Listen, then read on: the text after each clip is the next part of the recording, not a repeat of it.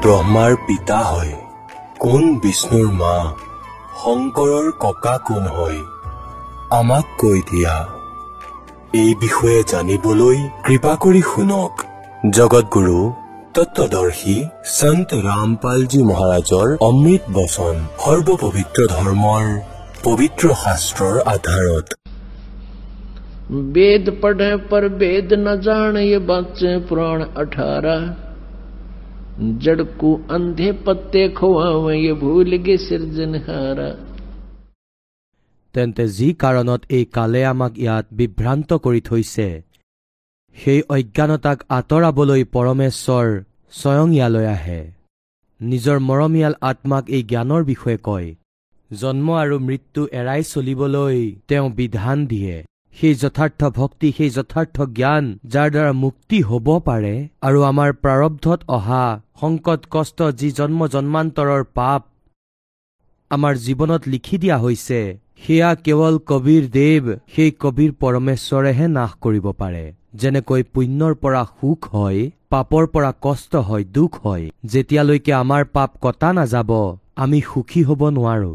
তেন্তে সেই পাপক কাটোতা কেৱল কবিৰ গঢ় হয়। কবিৰ যি পৰমেশ্বৰ যিয়েহে পাৰে আন কোনেও প্ৰাৰব্ধৰ কোনো পাপকেই অথবা যিকোনো পাপৰ প্ৰাৰব্ধৰ কষ্টৰ নিবাৰণ নাশ কৰিব নোৱাৰে কেৱল কবিৰ দেৱেহে পাৰে এতিয়া পুণ্যাত্মাসকল কাৰোবাৰ ভৰিত কাঁইট লাগি গ'ল আৰু এইসকল অজ্ঞানী ঋষি মহৰ্ষিসকলে কি কৈছিলে যেনেকৈ কোনো সংকট নিবাৰণৰ বাবে ঋষি মহৰ্ষি সন্তৰ ওচৰলৈ গৈছিলে প্ৰথমতেতো তেওঁলোকে যন্ত্ৰ মন্ত্ৰ দেখুৱাইছিলে। এনেকুৱা কৰা এনেকুৱা জপ কৰা এক হাজাৰ বাৰ জপ কৰা এঘাৰ হাজাৰ বাৰ গায়ত্ৰী মন্ত্ৰ জপ কৰা এঘাৰশ টকাৰ এই ভাণ্ডাৰা লগাই দিয়া। সকলোবোৰ কৰাৰ পাছতো তেওঁলোকৰ একো লাভ হোৱা নাছিলে। তেতিয়া তেওঁলোকে কি কৈছিলে? সেই অজ্ঞানী বেদ জ্ঞানহীন ঋষি মহৰ্ষি গুৰু ব্ৰাহ্মণসকলে যে এয়া তোমাৰ প্ৰাৰব্ধৰ কষ্ট হয় তুমি এয়া ভুগিবই লাগিব। উদাহৰণ দিছিলে যে শ্ৰীকৃষ্ণজীয়ে তেওঁ শ্ৰীৰাম ৰূপত সুগ্ৰীৱৰ ভায়েকক মাৰিছিল বালিক চল কৰি বৃক্ষৰ আঁৰ লৈ। সেয়া প্ৰাৰব্ধত লিখা হৈছিলে। সেই প্ৰাৰব্ধৰ ভোগ শ্ৰীকৃষ্ণজীয়ে বিষ্ণুজীৰ ৰূপত ভুগিব লগা হৈছিল। পিছত আমি মনে মনে থাকি যাওঁ। আমাৰ ওচৰত কোনো তৰ্ক নাছিল। তৰ্কৰ কোনো প্ৰয়োজন নাছিল। কিন্তু আত্মা হৰা নাছিলে। আমি এইটো ভাবিছিলো যে নহয় ভগৱান এনেকুৱা এটা শক্তি হয় যিয়ে আমাক অৱশ্যেই লাভ দিব। কাৰণ আত্মা পৰমাত্মাৰ লগত পৰিচিত। যে সেয়া পৰম শক্তি হয় কিন্তু জ্ঞানহীনসকলে তেওঁৰ ওপৰত ইমান আৱৰণ লগাই দিলে যে এওঁলোকে বিশ্বাস কৰিব নোৱাৰা হ'ল। কিন্তু এওঁলোক আকৌ ৰবও নোৱাৰে।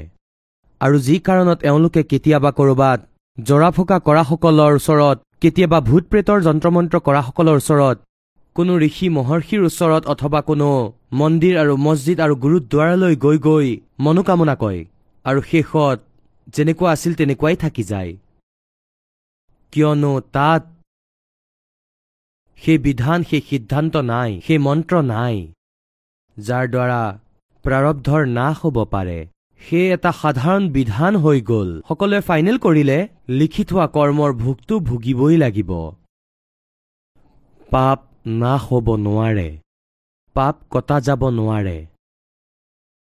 আৰু পাপ কটা নগলে সুখ হ'ব নোৱাৰে। যেনেকৈ কাৰোবাৰ ভৰিত কাঁইট সোমাই গ'ল।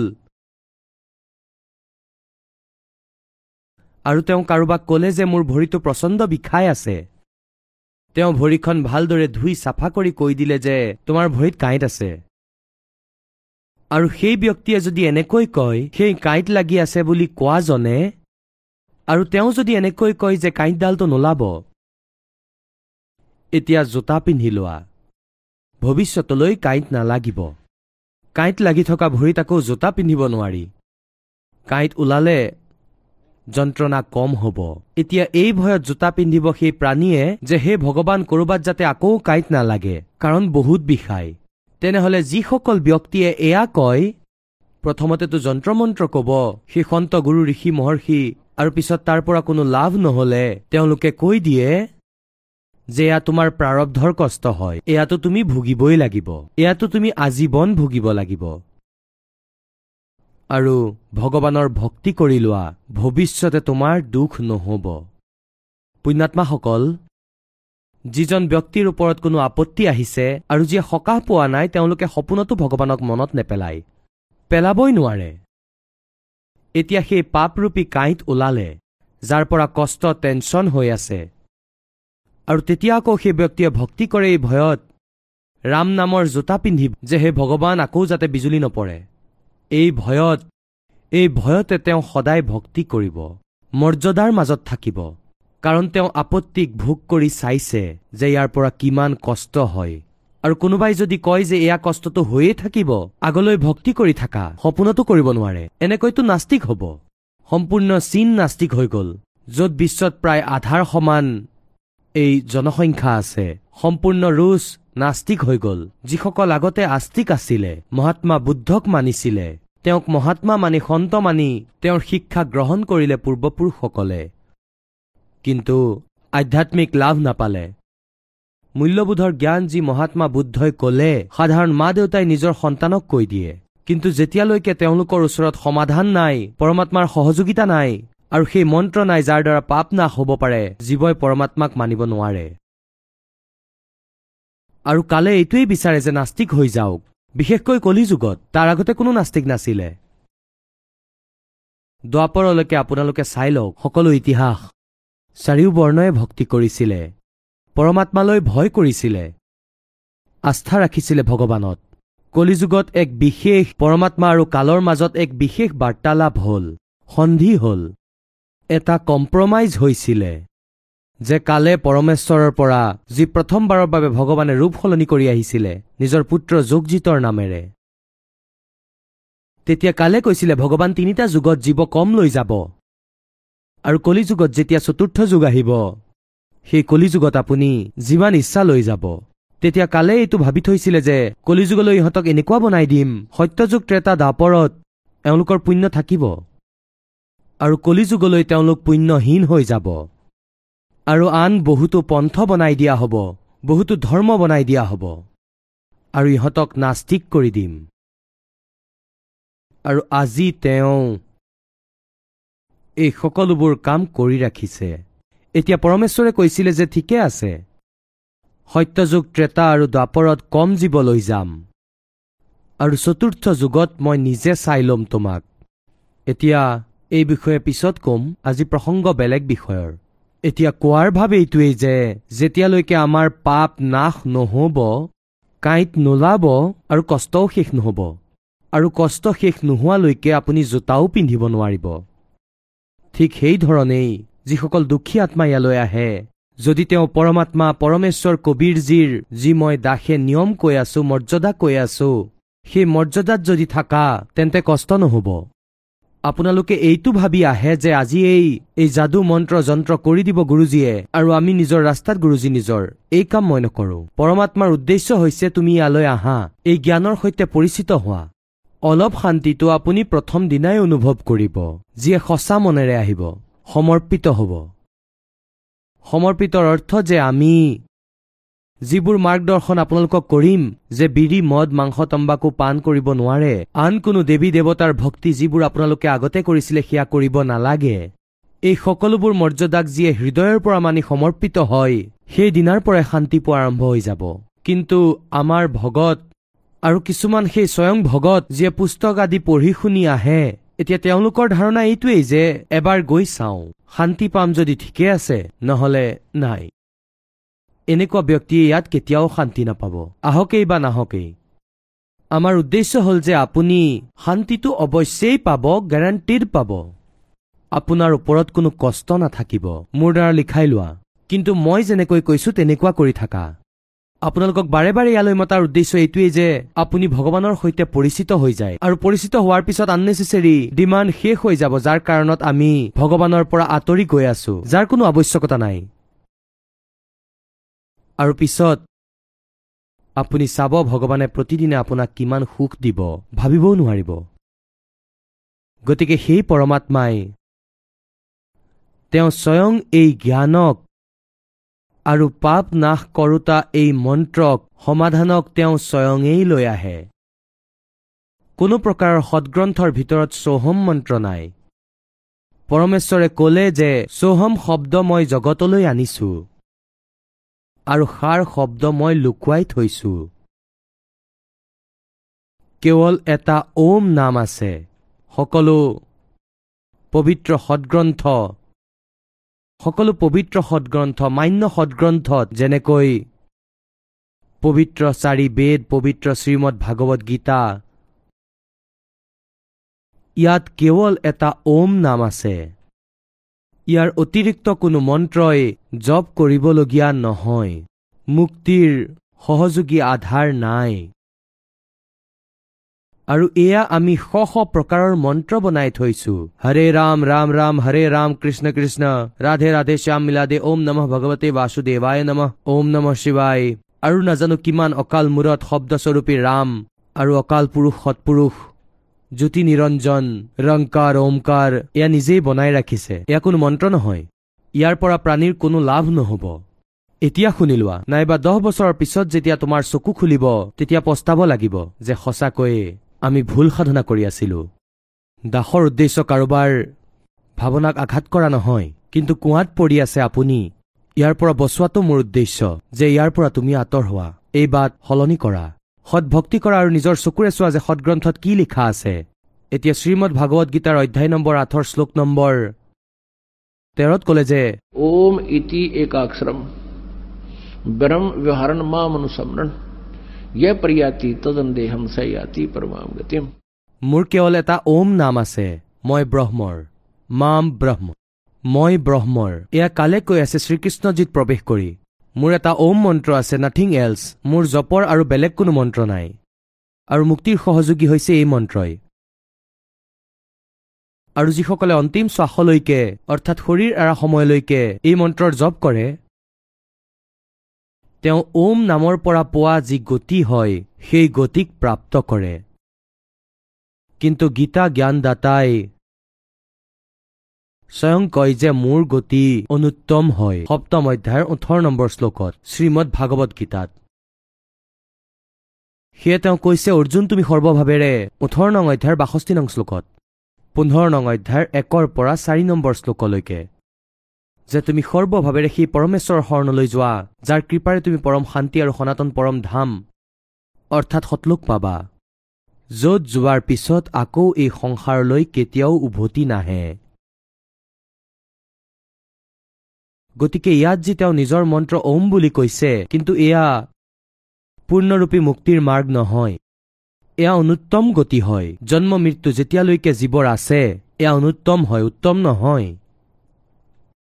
আকৌ সোতৰ নং অধ্যায়ৰ তেইছ নম্বৰ শ্লোকত কৈছে যে ওম তৎসত ইতি নিৰ্দেশ ব্ৰহ্মণে ত্ৰিবিধ সমৰ্থ সেই সচিদানন্দ ঘন ব্ৰহ্মৰ ওম তৎসত এই তিনি মন্ত্ৰৰ জপৰ নিৰ্দেশ আছে। আৰু ইয়াৰ তিনি প্ৰকাৰৰ স্মৰণৰ বিধি আছে। ত্ৰিবিধ। এতিয়া পুণ্যাত্মাসকল গীতা জ্ঞানদাতাই নিজৰ ওম নামটো ডিক্লেয়াৰ কৰি থৈছে। একেবাৰে সাৰ্বজনিক কৰি থৈছে।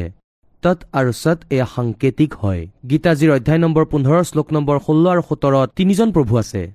তিনি পুৰুষ আছে এজন ক্ষৰ পুৰুষ এজন অক্ষৰ পুৰুষ। আৰু পোন্ধৰ নং অধ্যায়ৰ ষোল্ল নম্বৰ শ্লোকত ক্ষৰ পুৰুষ আৰু অক্ষৰ পুৰুষ সোতৰত ক'লে উত্তম পুৰুষ বেলেগ পৰমাত্মা ইতি উদ্ধাৰতে। তেওঁ শ্ৰেষ্ঠ প্ৰভু দুয়োতকৈ ক্ষৰ পুৰুষ আৰু অক্ষৰ পুৰুষৰ পৰা তেওঁ বেলেগ। আৰু তেওঁৱেই তিনিও লোকত প্ৰৱেশ কৰি সকলোৰে ধাৰণ পোষণ কৰে তেওঁ অবিনাশী পৰমাত্মা। গীতাজীৰ অধ্যায় নম্বৰ আঠৰ শ্লোক নম্বৰ একত অৰ্জুনক সুধিলে যে অৰ্জুন কিম তৎব্ৰহ্ম অৰ্জুনে ক'লে যে প্ৰভু আপুনি গীতাজীৰ অধ্যায় নম্বৰ সাতৰ শ্লোক নম্বৰ ঊনত্ৰিছত যি কৈছিলে যে সেই তৎব্ৰহ্মক যিয়ে জানে আৰু সকলো আধ্যাত্মিক জ্ঞানেৰে পৰিচিত হয় আৰু যিজন সকলো কৰ্মৰ লগত পৰিচিত যেনেকৈ মই জ্ঞানৰ বিষয়ে কলো চতুৰ্থ অধ্যায়ৰ চৌত্ৰিশ নম্বৰ শ্লোকত তত্বদৰ্শী সন্তৰ পৰা সেই তত্ত্ব জ্ঞান প্ৰাপ্ত কৰা যাৰ বিষয়ে চতুৰ্থ অধ্যায়ৰ বত্ৰিশ নম্বৰ শ্লোকত কৈছে যে ব্ৰহ্মণে মুখে অৰ্থাৎ সচিদানন্দ ঘনব্ৰহ্মৰ বাণীত বহুত বিস্তাৰভাৱে অনুষ্ঠানবোৰৰ বিষয়ে তথ্য দি থৈছে সেই জ্ঞানক তোমালোকে তত্বদৰ্শী সন্তৰ ওচৰলৈ গৈ বুজা। কৈছে মোৰ এই জ্ঞানত যিসকলে আশ্ৰয় লৈ লয় আৰু আকৌ সেই তৎব্ৰহ্মৰ পৰা তেওঁ আকৌ জন্ম আৰু মৃত্যুৰ পৰা পৰিত্ৰাণ পাবলৈহে প্ৰয়াস কৰে। জৰা আৰু মৰণৰ পৰা পৰিত্ৰাণ পাবলৈ প্ৰয়াস কৰে। বৃদ্ধাৱস্থা আৰু মৃত্যু। এয়া হৈছে জীৱৰ ওপৰত আটাইতকৈ ডাঙৰ দুখ বৃদ্ধাৱস্থা বুঢ়া হোৱা আৰু মৃত্যু। এই দুয়োটাই বিৰক্তিকৰ আৰু এই দুয়োটাই আৱশ্যক হয় ইয়াত। কিন্তু এয়া সৎলোকত হোৱা নাছিলে। সেইকাৰণেই আমি নিবিচাৰো এই দুয়োটাক এয়াতো ইয়াত হ'বই হ'ব। এয়াতো কেৱল সৎলোক সনাতন পৰম ধামতহে এই ৰোগ কাটিব। আৰু এই ৰোগক কাটিবলৈ ঔষধৰ জ্ঞান আপোনালোকক প্ৰপাৰলি পৰমাত্মাই আহি দিলে কবিৰ চাহেবে। সেইটো দিন হয় আজি আমি যিটো উদযাপন কৰি আছো। ইয়াৰ উদ্দেশ্যেৰে আজি এই পাঁচদিনৰ সমাগম আৰম্ভ হৈছে এঘাৰৰ পৰা পোন্ধৰলৈকে। জুন দুহেজাৰ এঘাৰ। গতিকে এয়া পৰমাত্মাই স্বয়ং আহি কৈছিলে। এতিয়া গীতাৰ জ্ঞানদাতাই যি কলে যে সেই তৎব্ৰহ্মক যিয়ে জানে তেন্তে তেওঁ তত্বদৰ্শী সন্তৰ পৰা গোটেই আধ্যাত্মিক জ্ঞানেৰে পৰিচিত হৈ যায়। তেতিয়া তেওঁ জন্ম আৰু মৃত্যুৰ পৰা এৰাই চলিবলৈহে প্ৰয়াস কৰি থাকে। নাথিং এলছ আন কোনো বেলেগ ডিমাণ্ড নকৰে। গতিকে আঠ নং অধ্যায়ৰ প্ৰথম মন্ত্ৰত অৰ্জুনে সুধিলে যে কিম তৎব্ৰহ্ম? তেওঁ আপোনাৰ পৰা বেলেগ এজন পৰমাত্মা হয়। ব্ৰহ্ম মানে প্ৰভু। কিন্তু ইয়াত ব্ৰহ্মকেই প্ৰভু বুলি মানিছে। সেইকাৰণে ব্ৰহ্ম কবলৈ ধৰিলে। সেইকাৰণে পৰব্ৰহ্ম আৰু পৰম অক্ষৰ ব্ৰহ্ম কবলৈ আৰম্ভ কৰিলে। ইয়াকেই ইয়াকেই ক্ষৰ ব্ৰহ্ম বুলি কোৱা হয়। ক্ষৰ ব্ৰহ্ম ক্ষৰ পুৰুষ। আৰু নেক্সট যি প্ৰভু হয় ইয়াতকৈ ডাঙৰ স্বামী হয়। পৰব্ৰহ্ম যাক অক্ষৰ পুৰুষ কোৱা হয়। পোন্ধৰ নং অধ্যায়ৰ ষোল্ল নং শ্লোকত ক্ষৰ পুৰুষ আৰু অক্ষৰ পুৰুষক দুজন বুলি কৈছে। এতিয়া গীতা জ্ঞানদাতাই কয় যে তেওঁ পৰম অক্ষৰ ব্ৰহ্ম হয়। তেওঁ পোন্ধৰ নং অধ্যায়ৰ সোতৰ নম্বৰ শ্লোকত কৈছে যে উত্তম পুৰুষ তুমি বেলেগ।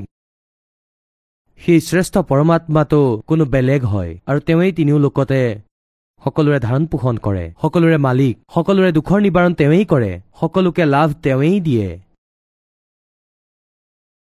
গীতাজীৰ পোন্ধৰ নম্বৰ অধ্যায়ত ওলোটাকৈ ওলমি থকা সংসাৰৰূপী বৃক্ষৰ বিৱৰণ আছে। একৰ পৰা চাৰিলৈকে ইয়াকে আগলৈ ডিটেইলছত দিয়া আছে কোড ৱৰ্ডত যেনেকৈ শিপা পূৰ্ণ পৰমাত্মা হয় এই সংসাৰৰূপী বৃক্ষৰ। তেওঁ সৎলোকত থাকে সনাতন পৰম ধামত ইয়াৰ পিছৰ যি গা গছ সেয়া অক্ষৰ পুৰুষ আৰু ডাল ডাল হৈছে ক্ষৰ পুৰুষ। সেই ডালৰ আকৌ তিনিটা শাখা আছে ব্ৰহ্মাজী বিষ্ণুজী আৰু শিৱজী আৰু পাতৰূপী সংসাৰ। এতিয়া সেই গছডালে বৃক্ষডালে আহাৰ ক'ৰ পৰা পায়? আহাৰ ক'ৰ পৰা পায়? শিপাৰ পৰা। গতিকে তিনিও লোকতে প্ৰৱেশ কৰি পূৰ্ণ পৰমাত্মাই সকলোৰে ধাৰণ পোষণ কৰে। যিয়ে যেনেকুৱা কৰ্ম কৰিছে তেওঁৰ এই আদেশত এই ব্ৰহ্মা বিষ্ণু মহেশ্বৰে তাৰ পৰা যি আহে তাকেই দিয়ে। ইয়াত কোনো পৰিৱৰ্তন কৰিব নোৱাৰে। কেৱল কবিৰ পৰমেশ্বৰে আপোনাক অধিক দিব পাৰে। আপোনাৰ পাপৰো নাশ কৰিব পাৰে। গতিকে সেই পৰমাত্মাই আমাক সুখ দিবৰ বাবে সৎলোকৰ পৰা গতি কৰি আহে। আৰু নিজৰ যথাৰ্থ জ্ঞানকো সেই পৰমেশ্বৰে স্বয়ঙেই কয়। নিজৰ দ্বাৰা ৰচনা কৰা সৃষ্টিকো সেই পৰমেশ্বৰে সঠিকভাৱে ক'ব পাৰে। এয়া বেদে কয়। গতিকে ওম নাম হৈছে এই ব্ৰহ্মৰ। সোতৰ নং অধ্যায়ৰ তেইছ নম্বৰ শ্লোকত ওম তৎসৎ যি বুলি কৈছে এয়া ওম হৈছে ব্ৰহ্মৰ ক্ষৰ পুৰুষৰ। এতিয়া পোন্ধৰ নং অধ্যায়ৰ ষোল্ল আৰু সোতৰ নঙত তিনি প্ৰভু বুলি কোৱা হৈছে এজন ক্ষৰ পুৰুষটো এই ব্ৰহ্ম হয় একৈশ ব্ৰহ্মাণ্ডৰ স্বামী অক্ষৰ পুৰুষ এয়া পৰব্ৰহ্ম হয়। যি সাত শংখ ব্ৰহ্মাণ্ড নীল পদম শংখ ব্ৰহ্মাণ্ডৰ স্বামী। আৰু উত্তম পুৰুষ তুমি বেলেগ পোন্ধৰ নং অধ্যায়ৰ সোতৰ নং শ্লোকত উত্তম পুৰুষ পুৰুষোত্তম। আচল ভগৱান বাস্তৱৰ প্ৰভু পৰমেশ্বৰ। তেওঁতো এই দুয়োতকৈ ক্ষৰ পুৰুষ আৰু অক্ষৰ পুৰুষতকৈ বেলেগ হয়। তেওঁ পৰম অক্ষৰ ব্ৰহ্ম। সেই পৰম অক্ষৰ ব্ৰহ্মই সকলোৰে ধাৰণ পোষণ কৰে। তেওঁ অবিনাশী পৰমাত্মা কবিৰ পৰমেশ্বৰ হয়। তেওঁ পৰম অক্ষৰ ব্ৰহ্ম। তেওঁ স্বয়ং নিজৰ জ্ঞানৰ বিষয়ে কবলৈ আহিছে আৰু তেওঁৰ যি তৎ আৰু সৎ মন্ত্ৰ আছে এই তৎটো হৈছে এই অক্ষৰ পুৰুষৰ। তৎ এয়া সাংকেতিক হয়। এয়া দাসে কব আৰু এই সৎ যি আছে এয়াও সাংকেতিকেই হয়। এয়া পৰম অক্ষৰ ব্ৰহ্মৰ। অৰ্থাৎ যি উত্তম পুৰুষ আছে আন সেই পৰমাত্মাৰ। কোড ৱৰ্ডত এই মন্ত্ৰ আছে। আৰু সেই সাংকেতিক শব্দ এই দাসৰ ওচৰত আছে। এই কালৰ একৈশ ব্ৰহ্মাণ্ডত এই দাসৰ বাহিৰে। বৰ্তমান কাৰোৰে ওচৰত নাইতো সৎ জ্ঞান আছে আৰু না তেওঁৰ ওচৰত কোনো সৎ সাধনা আছে। মুক্তিৰ মাৰ্গ নাই। এই দাসৰ পৰা নাম লৈ কোনো দুষ্ট মানুহে স্বয়ং এই নামৰ দান দিয়ে গুৰু হৈ বহি যায় তেওঁ মহাশত্ৰু হয় আপোনালোকৰ।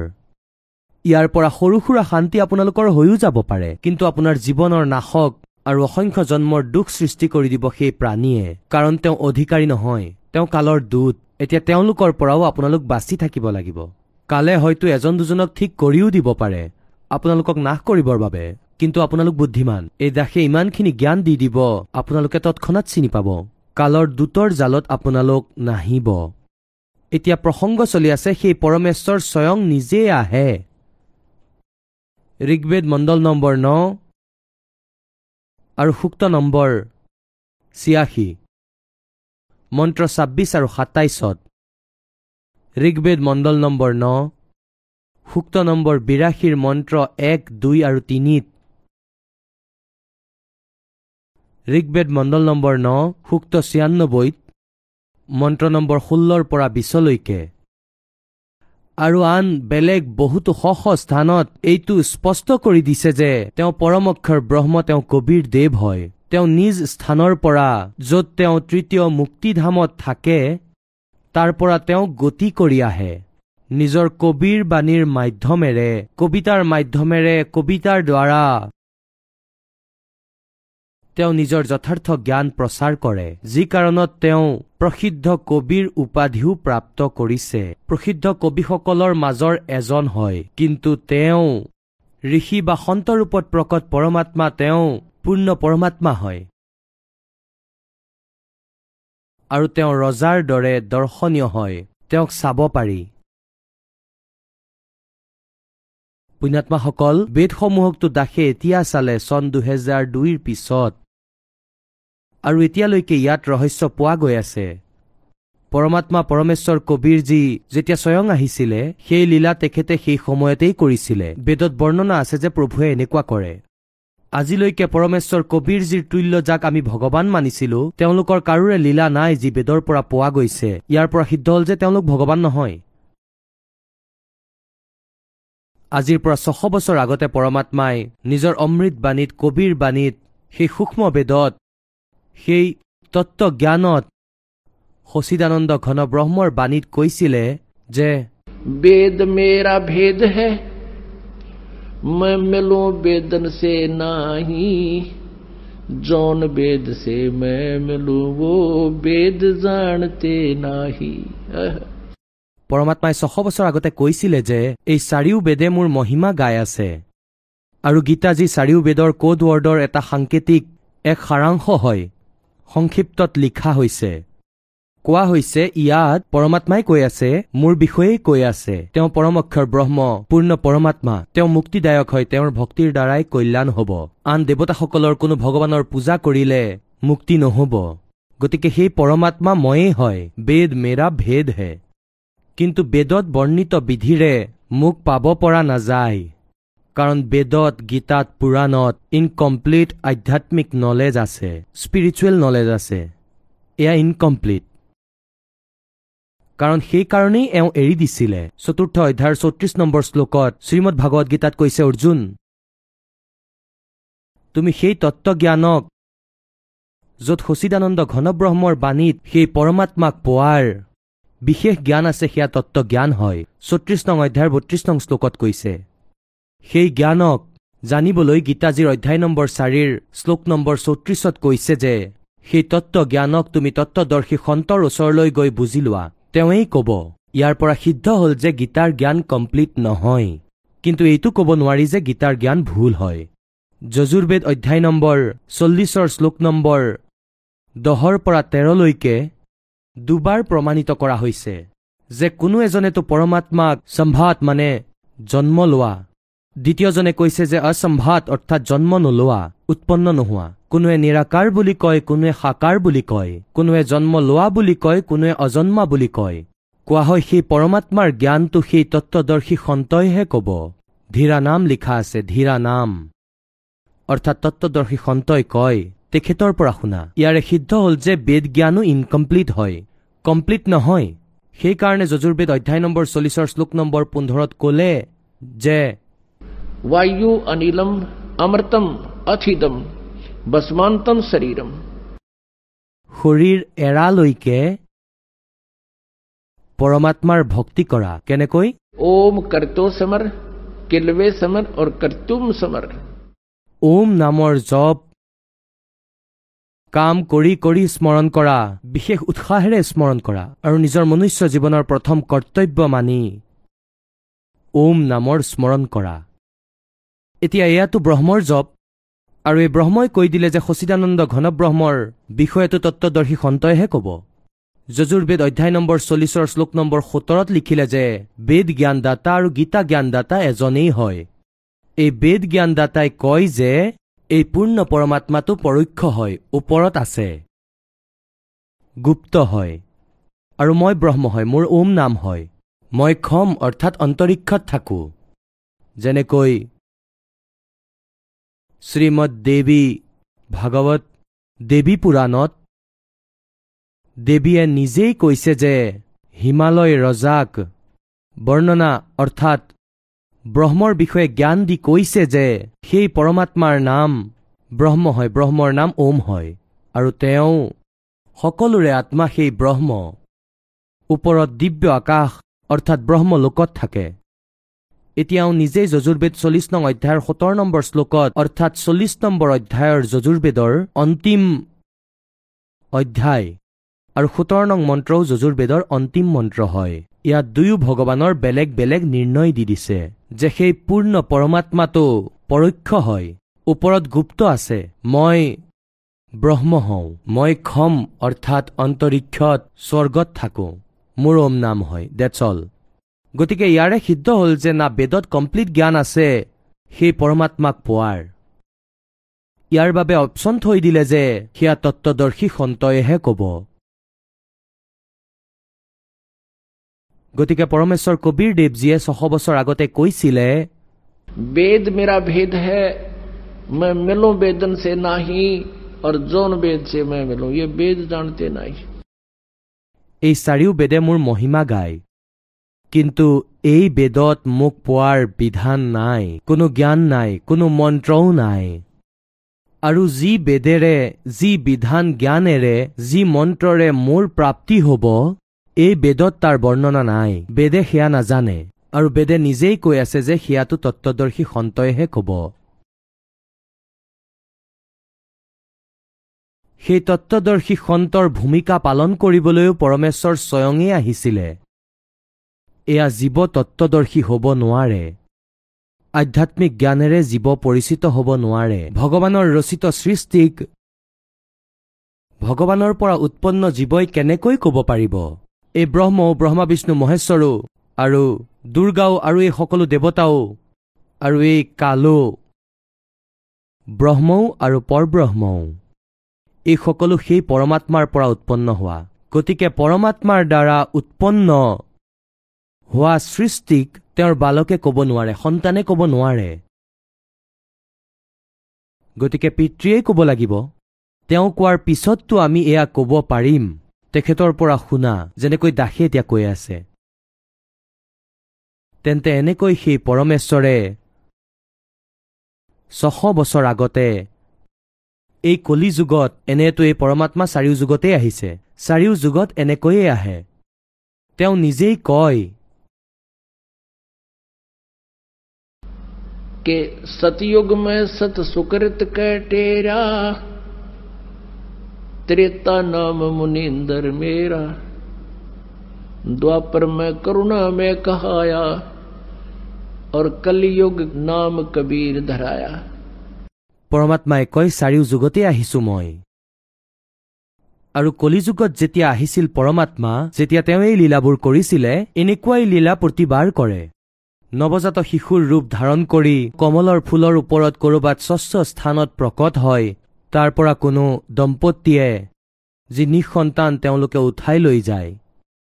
আৰু পিছত পৰমাত্মাই কোনো অন্য আহাৰ গ্ৰহণ নকৰে বালক ৰূপত পিছত তেওঁ প্ৰতিপালন তেওঁৰ সেই বাল্যকালৰ আহাৰ অৰ্থাৎ প্ৰতিপালনৰ লীলা কুমাৰী গাইৰ দ্বাৰা হয়। ঋগ্বেদ মণ্ডল নম্বৰ নৰ সূক্ত নম্বৰ একৰ মন্ত্ৰ নম্বৰ নত। স্পষ্ট লিখা আছে যে শিশুৰূপত প্ৰকট হোৱা পৰমাত্মাৰ প্ৰতিপালনৰ লীলা কুমাৰী গাইৰ দ্বাৰা হয়। আৰু ছশ বছৰ আগতে পৰমাত্মা কবীৰজীয়ে সেই লীলা কৰিছিলে যেতিয়া তেওঁ আহিছিলে। তেওঁৰ পঁচিছ দিন হৈ গ'ল তেওঁ একো দুগ্ধ আহাৰ গ্ৰহণ কৰা নাছিলে। তেতিয়া কৈ আছো আপোনালোকক এই কাহিনী আগলৈ কম। প্ৰথমে এতিয়া প্ৰসংগ চলি আছিলে নিৰু আৰু নিমাই পৰমাত্মাক লৈ আহিলে। আৰু কোনোৱে কৈ আছে এয়া ব্ৰহ্মা হয় আৰু কোনোৱে কয় এয়া বিষ্ণুজীৰ অৱতাৰ কোনোৱে কয় শিৱজীৰ অৱতাৰ কোনোৱে কয় দেৱতা যেন লাগিছে। দেৱতাই কয় যে এয়াতো কোনো বেলেগ পৰম শক্তি হয়। আকাশৰ পৰা তেওঁলোকে ডিছকাছ কৰি আছিলে। এতিয়া ইয়াৰ বিষয়ে গৰীবদাস চাহেবজীয়ে যি পৰমাত্মাৰ এই লীলাক পৰমেশ্বৰ কবীৰজীৰ দ্বাৰা প্ৰাপ্ত দিব্য দৃষ্টিৰে অসংখ্য বছৰ পূৰ্বৰো জ্ঞান পালে অসংখ্য বছৰ আগৰ যুগৰো আগৰ আৰু আমাৰ উৎপত্তি জন্মৰো জ্ঞান দিলে। পৰমেশ্বৰৰ প্ৰকট হোৱাৰ ছশ বছৰ আগতে তেওঁ কেনেকৈ আহিছিলে আৰু কি লীলা কৰিছিলে কি কোৱা হৈছে? जल थल पृथ्वी गगन में बाहर भीतर एक। पूर्ण ब्रह्म कबीरे हैं, अवगत पुरुष अलेख। सेवक हो के उतरे इस पृथ्वी के माही। जीव उदाहरण, जगत गुरु बार बार बलि जाही। जीव उदाहरण जगत गुरु बार बार बलि जाऊं मैं গৰীবদাসজীয়ে কয় যে মই সেই পৰমাত্মাৰ ওচৰত সমৰ্পিত সকলো সমৰ্পণ কৰি দিওঁ এই অমূল্য জ্ঞানক মূল জ্ঞানত আৰু এজন দাস হৈ এজন শিপিনী হৈ এজন দুখীয়া মানুহ হৈ নিজে এক সভ্য নাগৰিকৰ দৰে সকলো ধৰণৰ যি কোৱালিটি এজন ভকত অথবা ভাল নাগৰিকৰ থাকিব লাগে আৰু এজন ভকতৰ থাকিব লাগে এজন দাসৰ থাকিব লাগে। গুৰুৰ যি দাস হয় শিষ্য হয়। আৰু এজন পূৰ্ণ সন্তৰ যি কোৱালিটি থাকিব লাগে যি গুণ থাকে সেই সকলোকেই পৰমাত্মাই স্বয়ঙেই পূৰ্তি কৰি দেখুৱালে যে যদি তোমাক ভগৱানক লাগে তেন্তে যেনেকৈ মালিকে এক উদাহৰণ দিছে এক চেম্পল দেখুৱাইছে এক দুখীয়াৰ ঘৰত জন্ম দেখুৱালে জন্ম হোৱা নাছিল তেওঁৰ। এক একেবাৰেই দুখীয়া শিপিনীৰ ঘৰত এই নিৰু নিমাক শিপিনী বুলি কিয় কোৱা হ'ল? শিপিনী বুলি কিয় কোৱা হ'ল? তেওঁলোকৰ হাতলৈ আগতে যি পূজাৰ পইচা আহিছিলে তাৰে তেওঁলোকে নিৰ্বাহ কৰিছিলে। আৰু এতিয়া তেওঁলোকৰ পূজাৰ পইচা অহা বন্ধ হৈ গ'ল কাৰণ হিন্দু হৈ নাথাকিলে শিৱ কথা তেওঁলোকে কৰিব নোৱাৰে সেয়ে তেওঁলোকে শিপিনীৰ কাম আৰম্ভ কৰি দিলে। কিয়নো কম খৰচত আৰম্ভ হৈ যায়। চাৰিটা খুটা পুতা সূতা মেৰিয়াই দিয়া আৰু কাম আৰম্ভ হৈ গ'ল। তেওঁলোকে খাদী বনাইছিলে। আৰু যি কাৰণে বহু বছৰ কাম কৰি কৰি তেখেতসকল হৈ গ'ল শিপিনী। তেওঁলোকক শিপিনী বুলি কোৱা হ'ল।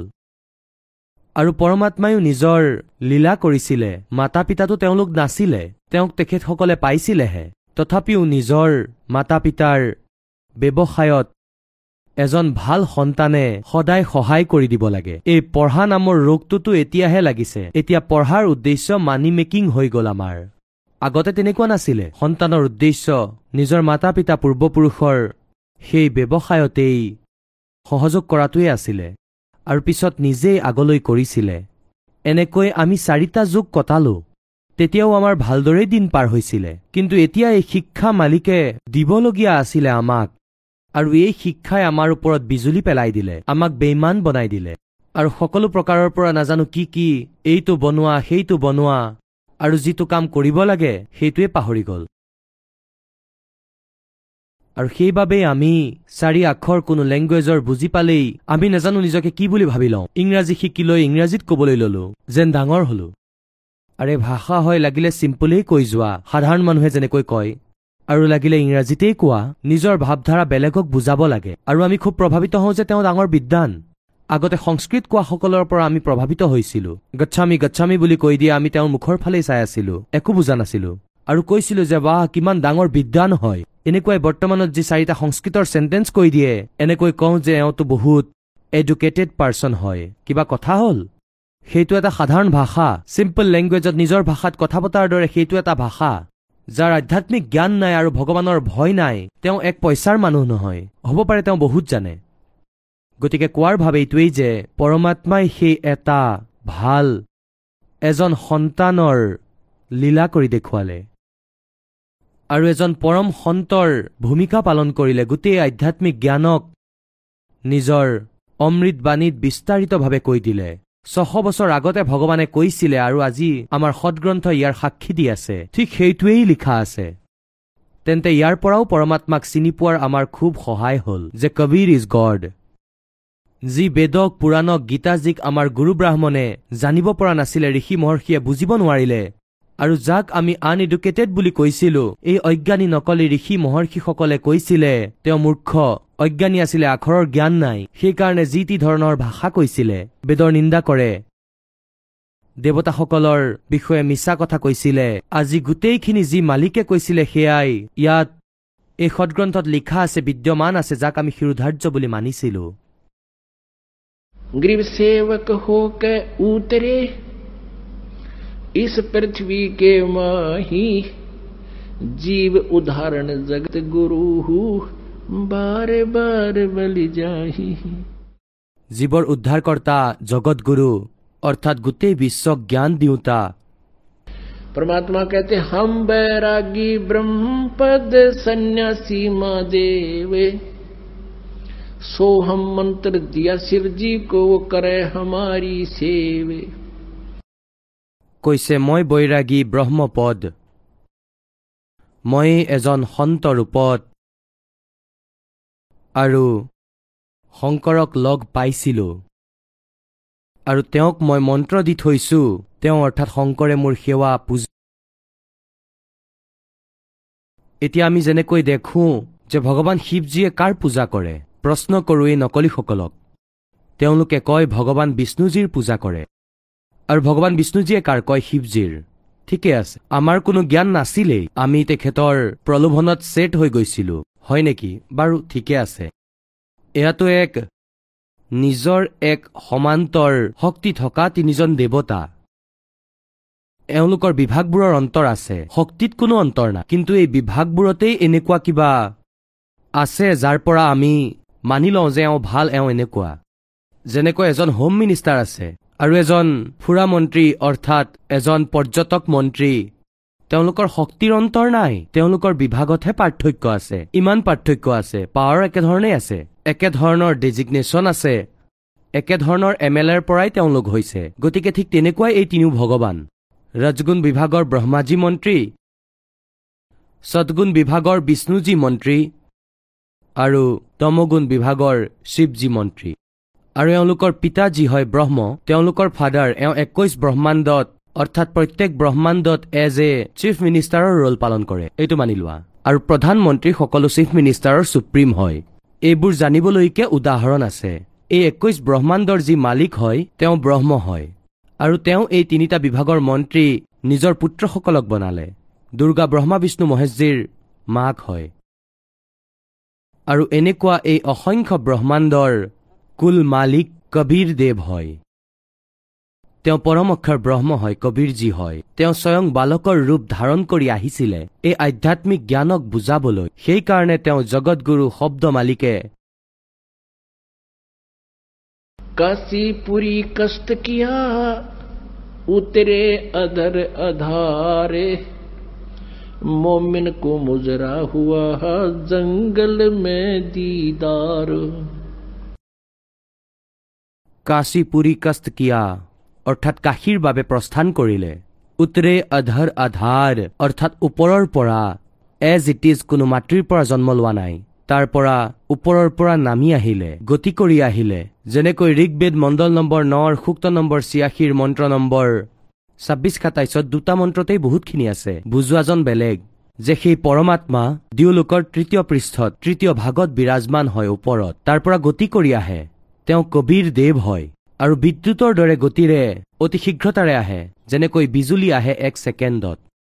আৰু নিজৰ ভাল আত্মাসকলক লগ পাই তেওঁ নিজৰ ৰূপক সৰল কৰি কাৰণ তাত পৰমাত্মাৰ যি সতলোকত শৰীৰ আছে মানুহৰ দৰেই তাতো ভগৱান। তেওঁৰ এডাল নোমৰ গুৰিত কোটি সূৰ্য মিলাই দিয়া কোটি চন্দ্ৰ মিলাই দিয়া সেই পোহৰো এই মালিকৰ এক নোমৰ গুৰিৰ উজ্জ্বলতাৰ ওচৰত নোহোৱাৰ তুল্য। অলপ যেন লাগে। ইমান তেজময় হয়। তেওঁ এজ ইট ইজ যদি ইয়ালৈ আহি যায় আমাৰ চকু ফেঁচাৰ দৰে বন্ধ হ'ব। খালী চকুৰে চাব নোৱাৰিম। গতিকে তেওঁ নিজৰ ৰূপক সৰল কৰি পাতল তেজপুঞ্জৰ হৈ আৰু তাৰ পৰা নিজৰ ভগতসকলৰ বিঘিনিক নাশ কৰে আৰু ভাল আত্মাসকলক লগ কৰে। কিয় লগ কৰে? আৰু তেওঁ কেনেকুৱা হয়? ঋগ্বেদ মণ্ডল নম্বৰ নৰ সুক্ত নম্বৰ বিৰাশীৰ মন্ত্ৰ নম্বৰ এক দুই তিনিত ঋগ্বেদ মণ্ডল নম্বৰ নৰ সুক্ত নম্বৰ বিছৰ মন্ত্ৰ একত আৰু বহুতো শ শ স্থানত ঋগ্বেদ মণ্ডল নম্বৰ ন সুক্ত নম্বৰ ছিয়ান্নব্বৈৰ মন্ত্ৰ নম্বৰ ষোল্লৰ পৰা বিছলৈকে একেবাৰে স্পষ্ট কৰি দিছে যে তেওঁ সাধাৰণ মানুহৰ দৰে যেনেকৈ কাপোৰ পিন্ধি লয় মানুহৰ এনেকুৱা শৰীৰ তেনেকুৱা শৰীৰ ধাৰণ কৰি ওপৰত হুবহু আৰু পাতল তেজপুজৰ শৰীৰ বনাই ইয়ালৈ আহে। সেই গৰীবদাসজীয়ে কৈছে तेज पुंज अन्य दे धर कर इस विध हमको भेंट ही সেই কবিৰ পৰমেশ্বৰ काशीपुरी कष्ट किया वो उतरे अधर अधारे অধৰ আধাৰ অধৰ মানে ওপৰৰ পৰা আধাৰ মানে তেনেকৈয়ে আহিলে और मोमन को मुजरा हुआ हा जंगल में दीदार মমিন কোৱা হয় মুছলমানসকলক এতিয়া কবিৰ পৰমেশ্বৰজীৰ ছবিক কেনেকৈ বৰ্ণিত কৰিছে আদৰণীয় গৰীবদাস চাহেবজীয়ে कोट किरण शशिभान सुध आसन अदर विमाने पर सतपूर्ण ब्रह्म को शीतल पिंड अरु प्राण যেতিয়া নিমাই মালিকক কোলাত লৈ লৈছিলে বুকুত সাৱটিলে মুখত চুমা খালে যেনেকৈ সন্তানক মাকে মৰম কৰে तो कहते हैं परसत पूर्ण ब्रह्म को সেই পূৰ্ণ পৰমাত্মাক টাচ কৰাৰ লগে লগেই পৰ্চত মানে টাচ কৰোঁতেই চোঁতেই অৰ শীতল পিণ্ড অৰ প্ৰাণ যেনেকৈ বৰফ হাতত ৰাখি দিলে নিজৰ যি প্ৰভাৱ দেখুৱায় এনেকুৱাই কোৱা হয় ভগৱানক যেতিয়া তেনেকৈ টাচ কৰিলে বুকুত সাৱটিলে সৰু বালকৰ ৰূপত মাকে কোৱা হয় তেতিয়াই একেবাৰে গোটেই শৰীৰত জিনজিননি উঠি গ'ল এনেকুৱা এফেক্ট হ'ল তেওঁৰ गोद लिया मुख चूम कर एम रूप झलकनते जगर मगर काया करे जैसे दमके पदम अनंत নিমাই কোলাত ললে মুখত চুমা খালে মৰম কৰিলে নিজৰ সন্তানৰ দৰে আৰু কয় হেম ৰূপ ঝলকন্ত হেম মানে হিম পৰমাত্মাৰ ৰূপ স্ন' হোৱাইট অৰ্থাৎ কোনোবাই কাপোৰ কিনিবলৈ যেনেকৈ যায় বজাৰত বগা কাপোৰ। আমি যে কওঁ একেবাৰে বগা কাপোৰ দিয়া স্ন' হোৱাইট অৰ্থাৎ বৰফৰ দৰে বগা। এতিয়া ইয়াত কৈছে গৰীব দাসজীয়ে চিত্ৰণ কৰি আছে। গোদলিয়া মুখ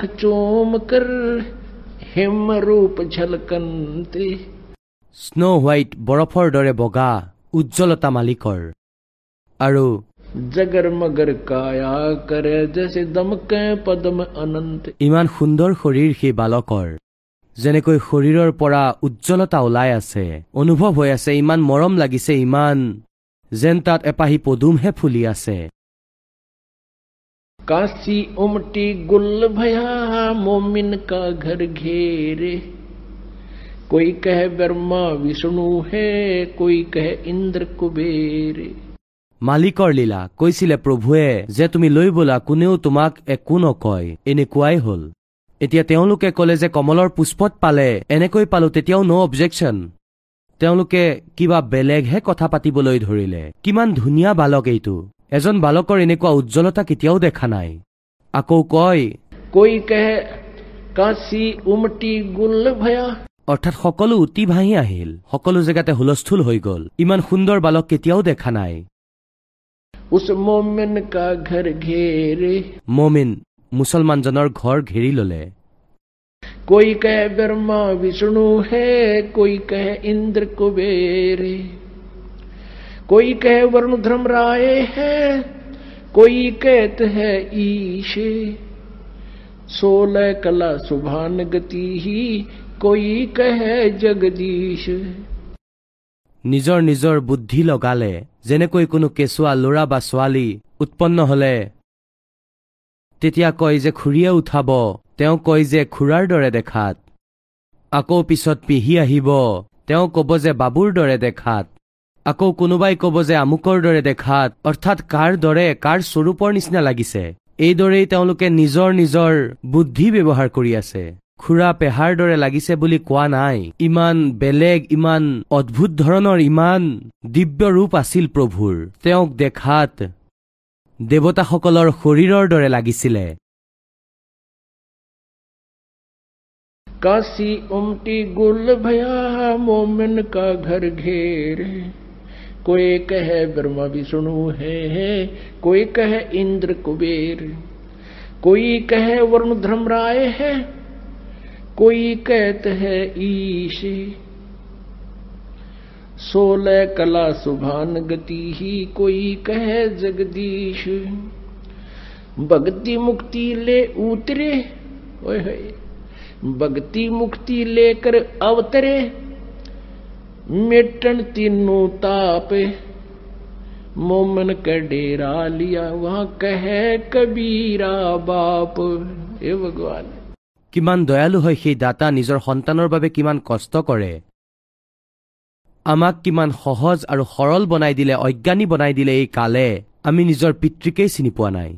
আৰু কবীৰ পৰমেশ্বৰজীয়ে কয় মে ৰৱত হওঁ সৃষ্টি কো এয়া মোৰ সন্তান হয়। মই কান্দি থাকো তোমালোক মোৰ সন্তান কিমান কষ্ট কৰি আছা। কাৰোবাৰ সন্তান বেয়া পথত গলে ল'ৰা ছোৱালী বেয়া পথেদি গলে মাক দেউতাকে তেওঁলোকৰ বাবে হাহাকাৰ কৰি থাকে। এওঁলোকে গম পায় যে আগলৈ ভৱিষ্যত সিহঁতৰ অন্ধকাৰ হ'ব কিমান দুখত আছে এওঁলোক।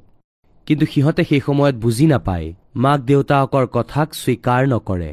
এতিয়া কালে আমাৰ বাবে এনেকুৱা কৰি দিলে যে আমি আমাৰ মা দেউতাক চিনি পোৱাৰ যোগ্যতাই নাৰাখিলো। পৰমাত্মাৰ পৰিভাষা সলনি কৰি দিলে। এতিয়া ভগৱান আহিলে। মই ভগৱান হওঁ। নহয় আমাকতো ভগৱান সেইজনহে লাগে যাৰ হাতত সুদৰ্শন চক্ৰ আছে। অথবা হনুমানৰ দৰে গদা লৈ আছে বা শ্ৰীকৃষ্ণৰ দৰে অথবা ৰামৰ দৰে কাঁড় লৈ আছে বা দুৰ্গাৰ দৰে আঠখন হাতত অস্ত্ৰ আছে। আমি এখেতসকলকহে ভগৱান বুলি মানো। এজন দুখীয়া শিপিনী ৰূপত আৰু তেওঁ কয় মই ভগৱান। সপোনতো নামানো আমি। কিন্তু ভগৱানেতো মনাইহে এৰিব। তেওঁৰ হাতত এই পৰম শক্তি আছে যাৰ বাবে আমি সকলো ঠাই ঘূৰিও শান্তি পোৱা নাই। আৰু সেই দুখীয়া শিপিনীজনে যাক এজন শিপিনী দুখীয়া ব্যক্তি বুলি মানিছিলো আৰু তাত যাওঁতেই ঠিক হবলৈ ধৰে। চৌষষ্ঠি লাখ শিষ্য হৈ গৈছিল পৰমাত্মাৰ চাৰে পাঁচশ বছৰ আগতে। তেওঁ জানিছিলে যে মই কেনেকে নিজকে নিজেই ভগৱান সিদ্ধ কৰাম। সিদ্ধটো হয়েই কিন্তু সিদ্ধ কৰিবলৈ প্ৰয়াস কৰি থকা হৈছে। ভগৱানক ভগৱান বুলি সিদ্ধি কৰাত কঠিন হৈ গৈছে কাৰণ এই লোকবেদে সকলোৰে অন্তঃকৰণত অন্ধকাৰ বিয়পাই দিছিল।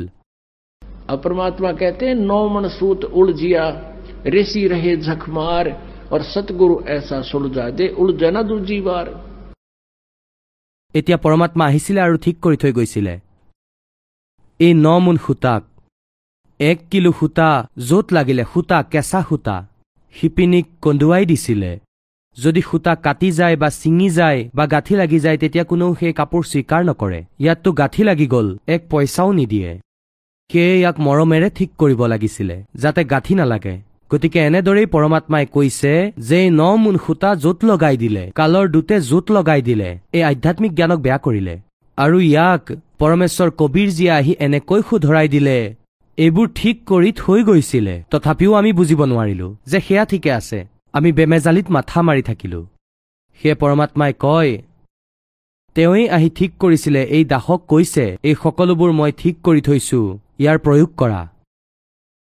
नौ मन सूत उलझिया ऋषि रहे झकमार और सतगुरु ऐसा सुलझा दे সৎগুৰু সঁচা গুৰু সঁচা সন্ত তত্বদৰ্শী সন্তই এনেকৈ ঠিক কৰি দিব যাতে আকৌ য'ত নালাগে এতিয়া এই কলি যুগত এই আধ্যাত্মিক জ্ঞান বেয়া নহ'ব ঠিক আছে এওঁলোক আহি থকা সময়ত নাস্তিকেই হৈ যাব ভক্তি নকৰিব এইটো বেলেগ কথা হয় কিন্তু এই লোক বেদ নষ্ট হৈ যাব এই সঁচা জ্ঞান সদায়ৰ বাবে এই কলি যুগত একেবাৰে চলিব যেতিয়ালৈকে ভক্তি বিচৰা প্ৰাণী থাকিব মালিকে যেতিয়ালৈকে ইয়াৰ নিৰ্ধাৰিত সময় ৰাখিছে भक्ति मुक्ति ले उतरे ये मेटन तीनों ताप हाय हाय अब कबीर परमात्मा कहा करते तुम कौन राम का जपते जापम अर्थात मिटे ना तीनों तापम তুমি শ্ৰীৰাম শ্ৰীকৃষ্ণৰ ভক্তি কৰা তেওঁলোকক তিনি তাপৰ ভিতৰত অভিশাপ লাগিছিলে শ্ৰী বিষ্ণুজীক অভিশাপ দিছিলে তিনি তাপৰ ভিতৰত আহে এই অভিশাপো।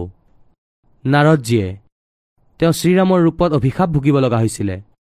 আকৌ তেওঁ ভুল কৰ্ম কৰিছিলে চলনা কৰিছিলে শ্ৰীৰামজীয়ে। সুগ্ৰীৱৰ ভায়েক বালিক মাৰিছিলে। বৃক্ষৰ আঁৰ লৈ সেয়া ভুগিবলগীয়া হৈছিলে শ্ৰীকৃষ্ণজীৰ ৰূপত শ্ৰীবিষ্ণুজীয়ে। তো কেতে হে তুম কণ ৰাম কা তেজাপম? অৰ্থাৎ কটে না থৰে তিনো তাপম?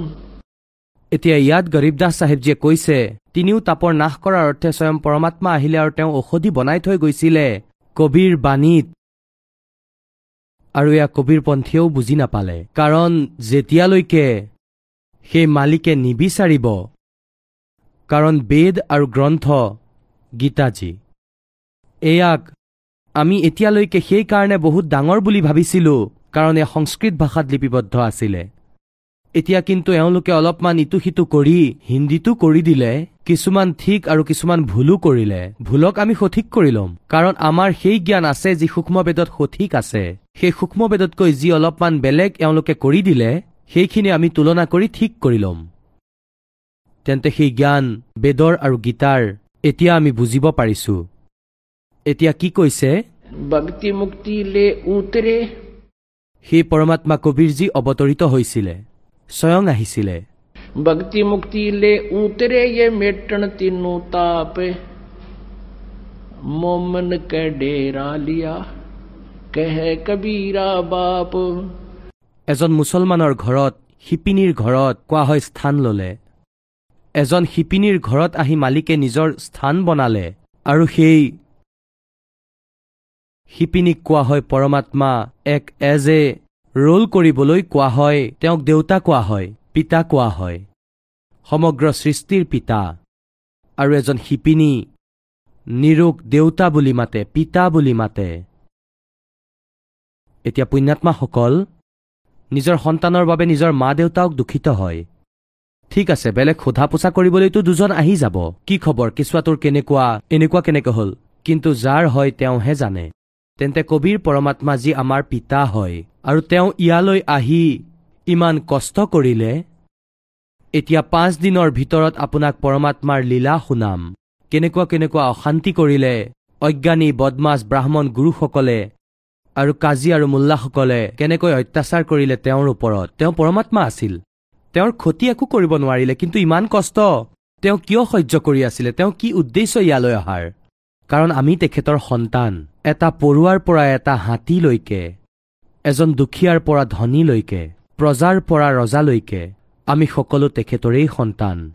আৰু তেওঁ তেখেতৰ সন্তানক ইয়াৰ পৰা উলিয়াবলৈ আহিছে যে তোমালোক মোৰ লগত বোলা তাত সুখী থাকিবা।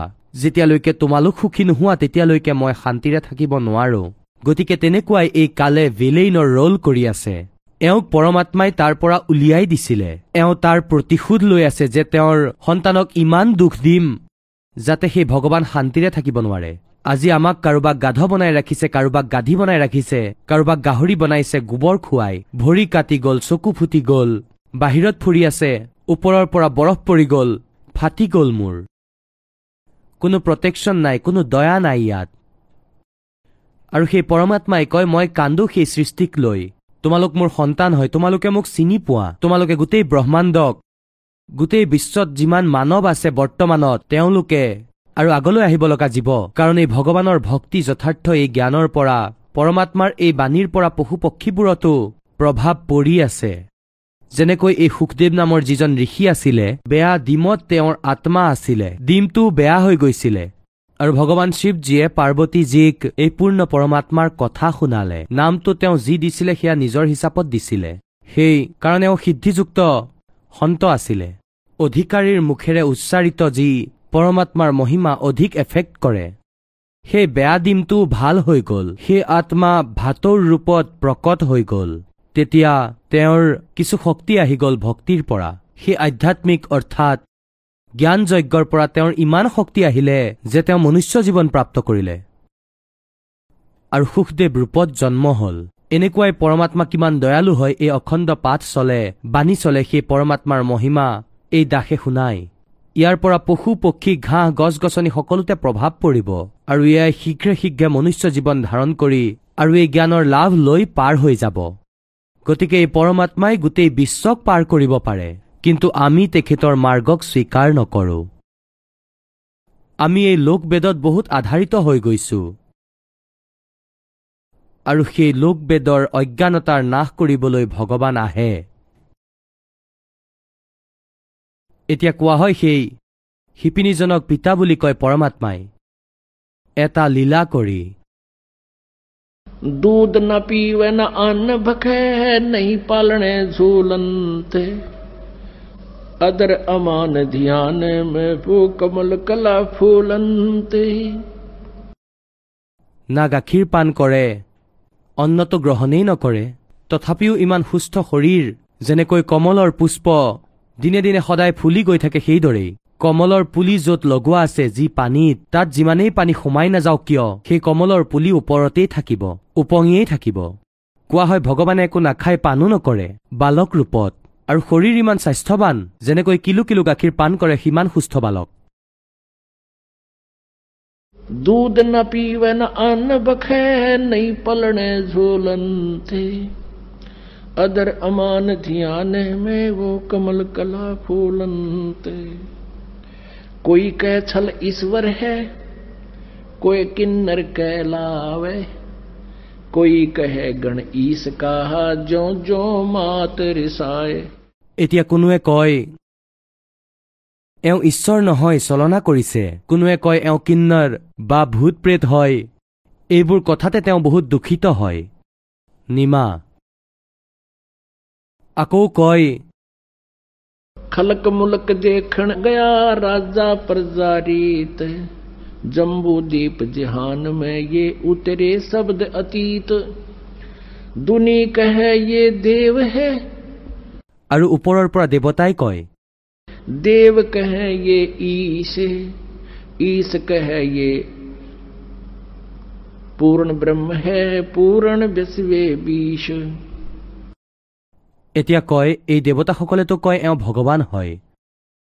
আৰু ওপৰৰ যি ভগৱান তেওঁলোকে কৈছে এওঁতো পূৰ্ণ ব্ৰহ্ম হয়। নিজৰ নিজৰ বুদ্ধি খটুৱাই আছে। এতিয়া পুণ্যাত্মাসকল আজিৰ পৰা ছশ বছৰ আগতে এই পৰমাত্মা কবীৰজীয়ে যিবোৰ লীলা কৰিছিলে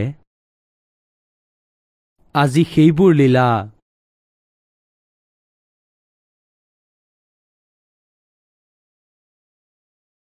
তেখেতৰেই সদগ্ৰন্থত উপলব্ধ আছে। প্ৰথমে সেয়া দেখুৱাইছো অলপমান। পৰমাত্মাক চিনি পোৱাটো কঠিন হৈ গ'ল। পৰমাত্মাক চিনি নোপোৱাকৈ বিশ্বাস হ'ব নোৱাৰে। এতিয়া যেনেকৈ সৰু এটুকুৰ হীৰা আছে পদ্মৰাগমণি এটা সৰু পাথৰৰ দৰে লাগে। আৰু ইয়াক কোনোবাই যদি কয় এয়া ন কোটি টকাৰ হয় তেতিয়া বিশ্বাস নহ'ব যিজনে চিনি নাপায়। আৰু যিজনে চিনি পাব তেওঁ লগে লগেই ক'ব হয় ন লাখ টকাৰে। সেই পদ্মৰাগমণিৰ চিনাকি কৰাব বিচাৰিছে পৰমাত্মাই যে আমি ইয়াক সৰু টুকুৰাহে দেখা পাওঁ। আমি শিপিনীহে দেখা পাওঁ সেই পৰমাত্মাক। কবি নামেৰে প্ৰসিদ্ধ কৰি তেওঁক ফাইনেল কৰি দিলে বন্ধ কৰি দিলে তেওঁৰ ফাইলটো। তেওঁ কেৱল কবি বা শিপিনী কবিৰ নাছিলে। তেওঁ পূৰ্ণ পৰমাত্মা হয়। এতিয়া সেই ভগৱানক লালক লাল সিদ্ধ কৰিবলৈ ইয়াৰ লক্ষণ কোৱা হয়। তেতিয়া বিশ্বাস হৈ যায়। তেনেহলেতো আমাৰ বিশ্বাস হৈ গ'ল যে লাল যদি হয় তেনেহলে বুকুত সাৱটি ল'ব। পিছ হুমকি কোনো নাথাকিব। এতিয়া চাব।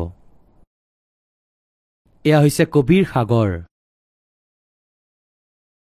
সম্পূৰ্ণ এঘাৰ ভাগ। খেমৰাজ শ্ৰীকৃষ্ণ দাস প্ৰকাশন বোম্বাইৰ পৰা প্ৰকাশিত। এয়া হৈছে কবিৰ সাগৰ। প্ৰথম খণ্ড। ভাৰত পথিক স্বামী যোগলানন্দ বিহাৰী দ্বাৰা পৰিষ্কৃত।